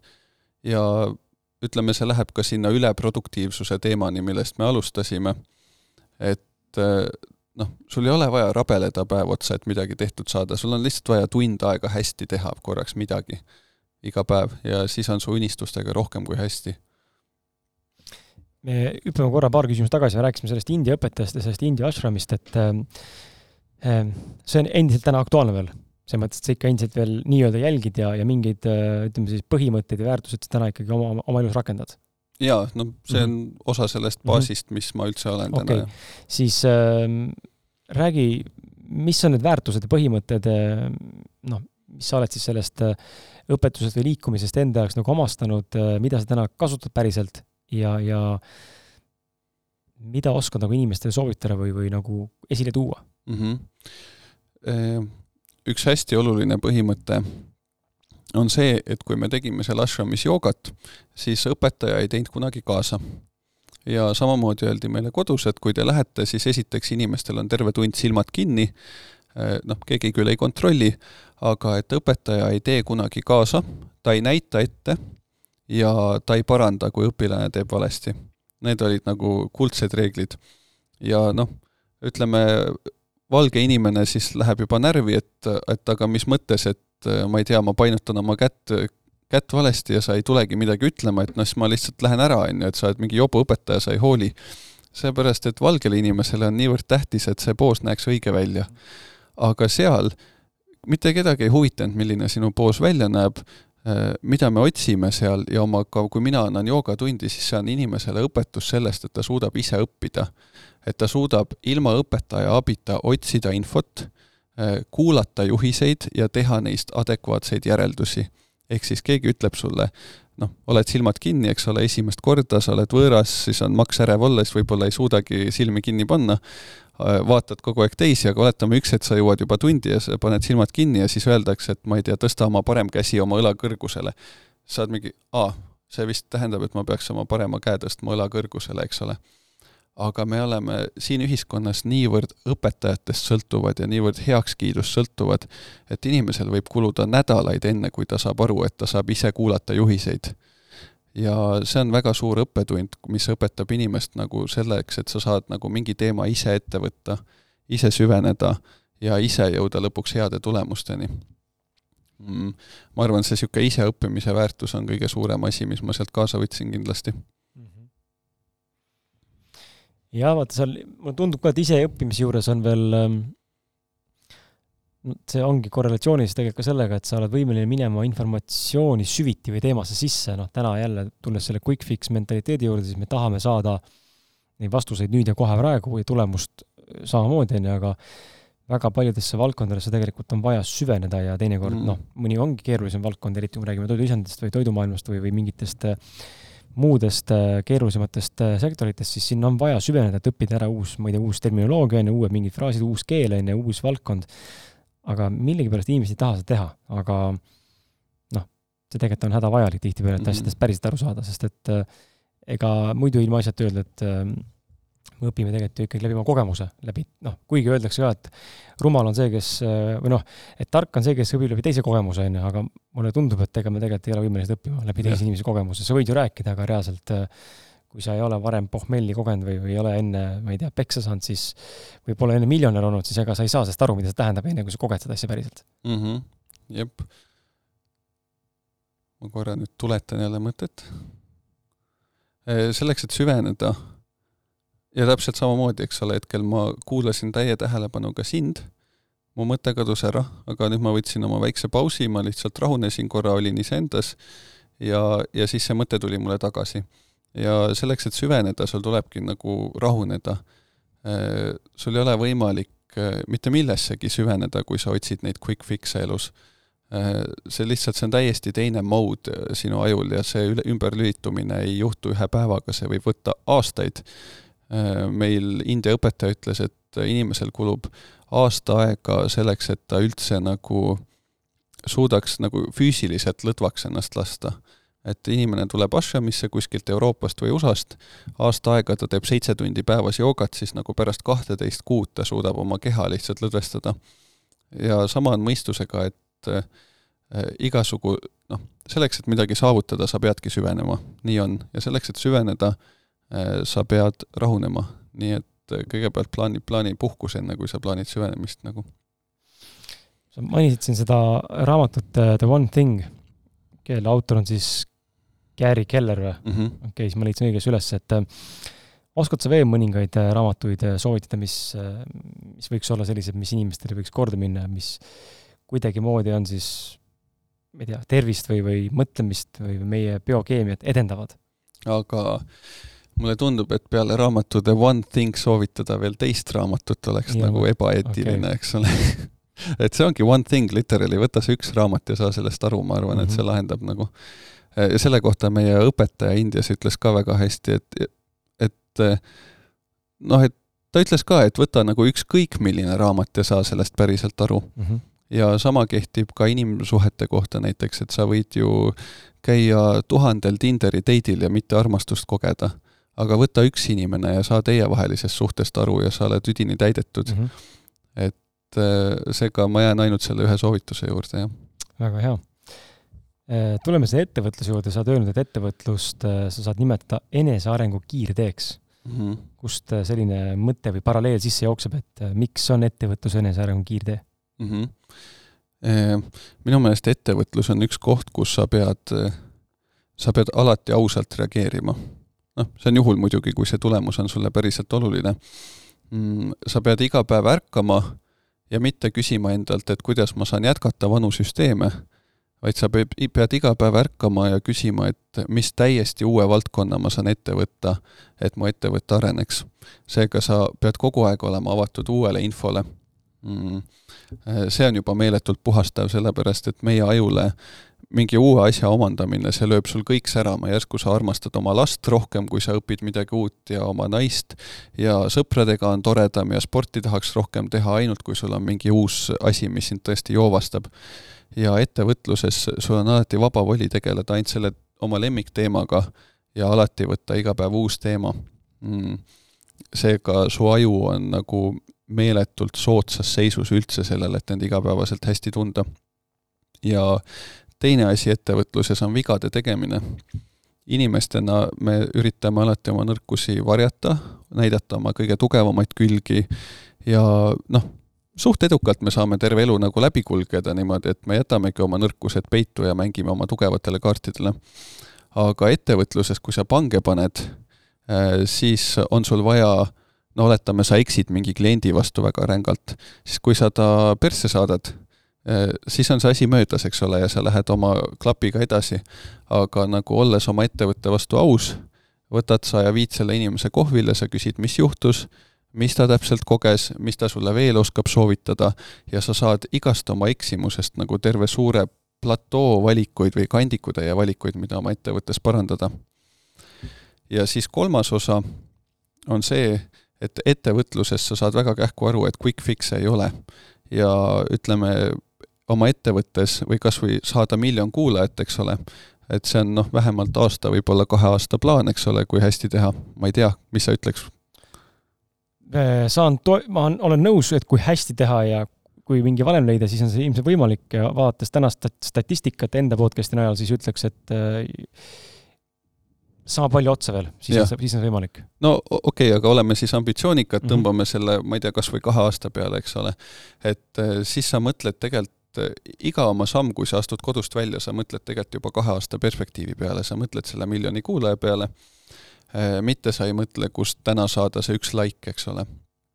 Eh, enne seda, enne ettevõtlust ma olin väga niisuguste quick fix'ide peal väljas ja niisugune hustler, aga kuna ettevõtluses mind hakati õpetama, et vaata, vaata aasta või kahe aasta perspektiivi, siis järsku ka poodi minnes ma valisin õhtul mitte osta šokolaadi, vaid pigem osta brokoli ja see hakkab järsku sul nagu kõikidesse suhetesse igale poole hakkab kanduma samamoodi selline nagu long-term gratification'i edastamine mm. -hmm. ja kindlasti kõik, kes seda saadet siin kuulavad, on nagu suured enesearengu huvilised ja kindlasti väga paljud neist tegelevad just selle teemaga, et äh, olla vähem nagu selle long-term gratification'i huviline ja vähem short-term gratification'i huviline ja rohkem eelistada long-term gratification'it siis ettevõtlus on üks koht, mis teile kohe selle asja selgeks teeb ja teil mitte kunagi ei ole probleeme enam sellega. hästi aktuaalne on siia ettevõtluse juurde küsida, nagu kui me räägime toote-teenuse müümisest või üldse enda, enda brändi müümisest, millel on hind, siis äh, vaata, täna on selline, täna on selline huvitav maailm, et äh, meil on tooted-teenused, mis on nagu arusaadavalt, aga siis on nagu selline teenuste sektor, eh, mida nagu on teinekord väga raske hinnastada, näiteks nagu coaching ud mm. -hmm. noh, neil ei ole nagu ju selles mõttes otseselt, noh, üks teenus on see, et ma lähen ja tulen parandan su torud ära ja siis see on teenus. aga coach'i teenus või nagu mingi õpetaja, mentori teenus on selline, et noh, et äh, nagu pff, mille eest ma nagu maksan, on ju Mhm. Et äh, oled sa nagu mõelnud äh, või milline suhe sul on, pigem mind huvitab just see, milline suhe, kuna see on minu jaoks väga aktuaalne teema täna, on eneseväärtustamine äh,. siis milline suhe sul endal on täna rahaga ja eneseväärtustamise küsimuse ümber just nagu toote hinnastamise juures? Mm -hmm. et kas sa pigem julged küsida suurt summat noh, suur on defineeritav, on ju, aga või sa pigem vaatad selle peale, et oleks võimalikult odav ja müüks massi või sa mm. -hmm. mille järgi sa nagu hinnastad seda selles maailmas nagu navigeerid? ja no üldiselt ma panen sellised hinnad, et endal lööb südame klopsima ja veits paha hakkab. ehk siis noh, suuremad, kui ma suudaks äh, oma, ütleme, tavapärase niisuguse käitumisega äh, või oma vanade mustrite pealt, sest ma tulen nagu pigem vaesest perest äh, ja seega ka alguses meie Centeve toodetega, mis kunagi olid kaks korda odavamad, äh, me alguses üritasime olla nii odavad kui võimalik Mm, aga see ei toimi, sellepärast et äh, siis kohe, kui sa teed oma ettevõttes mingi kõige pisemagi eksimuse, siis sa maksad selle eest oma taskust. Äh, ja mõte, et ma endale Centevest palka kunagi saaks maksta, nagu noh, see täiesti välistatud nagu selle vana idee järgi. Äh, ja see tegelikult kahjustab ka sinu kui ostja kogemust. sellepärast, et täna, kui mul on aega Centevega tegeleda, siis mul on see tähendab, et lisaks selle toote müügile mul on aega sinuga suhelda, mul on aega saata sulle õiget infot, et sa oskaks üldse seda toodet kasutada, mul on aega sinuga jagada selliseid enesearengu nippe, mis aitavad sul oma unistustele lähemale saada, aga seda kõike ma saan teha ainult sellepärast, et see toote hind on kõrgem. tänu sellele me saame teha neid teste, mis sulle selle kvaliteedi garanteerivad. seega see, et keegi firma omanik küsib oma teenuse eest kõrget hinda, noh, kindlasti on inimesi, kes seda lihtsalt kasutavad, et isiklikult rikasta, rikastuda, aga noh, mina ei ole kindlasti see tüüp, et nagu ka meie festivalide eest ma, see aasta me kahekordistasime pileti hinda, järgmine aasta me ka kindlasti kahekordistame seda pileti hinda. see ei ole sellepärast, et meile on seal rohkem kasu, see on sellepärast, et siis ma saan sulle palju parema paketi anda. ja coaching'u koha pealt tegelikult annab ilmselt päris hästi välja mõõta selle, kui palju lisaväärtust see inimese ellu toob. et oletame, kui sa lühendad inimese tööpäeva kaheksalt tunnilt ühele, eks ole, siis sa võiks ju seitse, seitsme tunni palga talt küsida, eks ole, või noh, seal on mingi süsteem, kuidas välja mõõta seda, mis kasu su coaching toob inimesele mm. -hmm. ja siis võtta sellest niisugune osa, mida tal on väga meeldiv jagada, sest ta saab ise ka aru, et aa, kuule, see on täiesti loogiline, et kui oletame, seentevägi tänu sulle teenib kümme tonni rohkem iga kuu, siis sellest viis sulle anda ei ole ju probleem tegelikult. jah, siin on see jagamise mentaliteet ja see meie enda sees olev ema-Theresalik suhtumine, et kas sa oled nagu jagaja või sa oled see kooner. Mm.. et ja kus, noh, ja kust maalt siis see, need tasemed nagu jooksma hakkavad. Ja ma ise inimesena näen ka ennast pigem sellisena, kes hästi palju tahaks nagu anda.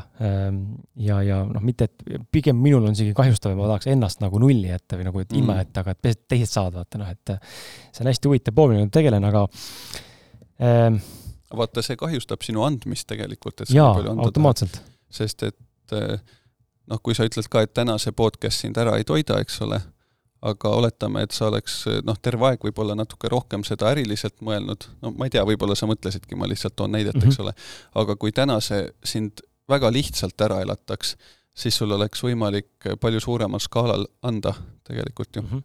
ja mul kulus ka aega, et sellest aru saada muidugi et äh, eks need ongi huvitavad äh, protsessid ja need uskumused, mis meie sees vaata on noh, nii sügavalt juurdunud, kas lapsepõlvest ja kus iganes veel või ei pea ainult lapsepõlvest olema alati, aga aga väga tihti just sealt saad alguse, et need on nii nagu sügavad, et neid läbi näha ise ja võib-olla isegi läbi näed, siis teinekord nendega päriselt nagu tegeleda, see on nagu see teine asi, et kuidas siis mm., mis noh, ma näen mustrit, eks ole, aga fuck that shit, ma ei oska nagu tegeleda sellega, ma ei tea, mis see lahendus on. noh, siis on, noh, siin tuleb küsimus siis sulle juurde ja jõuame saate alguse juurde tagasi, et kas, kas siin vastab äh, iseendaga enesearengu puhul, eneseabi, enesearengu puhul vastab see sinu jaoks sama reegel, et oletame, kui ma toomegi näite siia sellesse konteksti, et kui mul on mingi asi, mida ma näen, minul on mingi muster, mida tuleks muuta, mingi asi, mis tuleks korda saada, ma näen, et see on probleem, ma näen, et siin taga on raha kinni. mm -hmm. selle mindset'i või mingisuguse muu asja taga, aga vot ma ei oska tegeleda, kas nüüd on see koht, kus peaks sunniviisiliselt ja ja vägisi otsima lahendust ja kogu aeg sorkima seda või lasta sellel asjal olla, sest et ta laheneb nii või naa mingi hetk?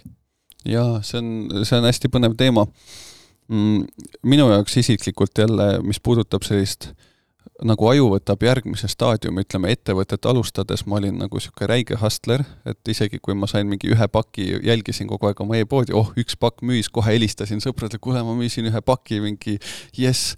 ja noh, tänaseks me ehitame nagu palju peenemaid süsteeme ja nagu suhtleme inimesega läbi kodulehe ja Facebooki palju nagu sügavamal ja peenemal tasandil, et see on noh, hoopis teine nagu tasand, kus ma täna olen. aga see hustlerist niisuguseks ettevõtjaks kujunemine on ka nagu niisugune megasuur samm-sammuline puhastus olnud ja loomulikult ma olen eh, pidanud oma mingitele vanadele uskumustele nagu väga otse vastu seisma, et ma arvan, et see eh, sinu ettevõtte edu on nagu otsene peegeldus sellest, kus sa oma mindstate'iga oled. ja kui su ettevõttel nagu lähebki, et sul on mega palju tööd ja mega vähe edu, siis järelikult sul on nagu mingi väga suur ebapuhtus su enda maailmanägemuses ja viis sellest lahti saada ja saada ka oma ettevõttesse edu, ongi selle ebapuhtusega tegeleda. eks see on see, ütleme, ettevõtlus kui spirituaalne teekond jälle, aga aga no kurat, see on nii hea küsimus, sest oletame, ma ei tea, kui ma ei tea, mees ja naine elavad, eks ole, maamajas ja nad ei saa üldse läbi omavahel siis äh, kas peaks nagu lahku minema, äh, sellepärast et mõlemad on jobud ja vihkavad üksteist, või siis peaks kolima linna, kus mõlemal on ka sõpru, kellega suhelda ja võib-olla ei ole üksteise asja, asjadega üldse vaja tegeleda, eks ole. et see lahendus tihti on üllatavalt lihtne ja mehaaniline isegi, ma ütleks. -hmm. et ütleme, kui sul on ärevus, siis jõuga ärevuse vastu ei saa võidelda, see on ju ebaloogiline, eks ole, et sa pead kuidagi kavaldama ennast üle, ma siin lahendust ei oska pakkuda, see on iga kord nii unikaalne teekond minu meelest, sest need on, jutt käib ikkagi suurtest breakthrough dest mm -hmm. sinu isiklikus elus ju. ja ma arvan, see ongi looming, et need asjad kätte saada niimoodi ümber nurga ja hästi. tõmbame selle saate kokku, äh, räägi see lõpetuseks, äkki on midagi sellist, mida, mida me täna ei puudutanud äh, või midagi, mida ma unustasin küsida või midagi sellist, millele ma ei osanud tähelepanu suunata või midagi sellist, mida sa tahad väga öelda, ehm, siis äh, see on see sinu võimalus. ma arvan, et üldiselt on mega hea vestlus olnud nagu, tore on sinuga tutvuda siin, sest ma, nagu ma kirjutasin ka, et ma tegelikult olin mõnda aega juba sind jälginud ja näinud, et sa teed lahedat asja ja tahtsin ise võtta sinuga ühendust. Äh, aga siis sa jõudsid must ette.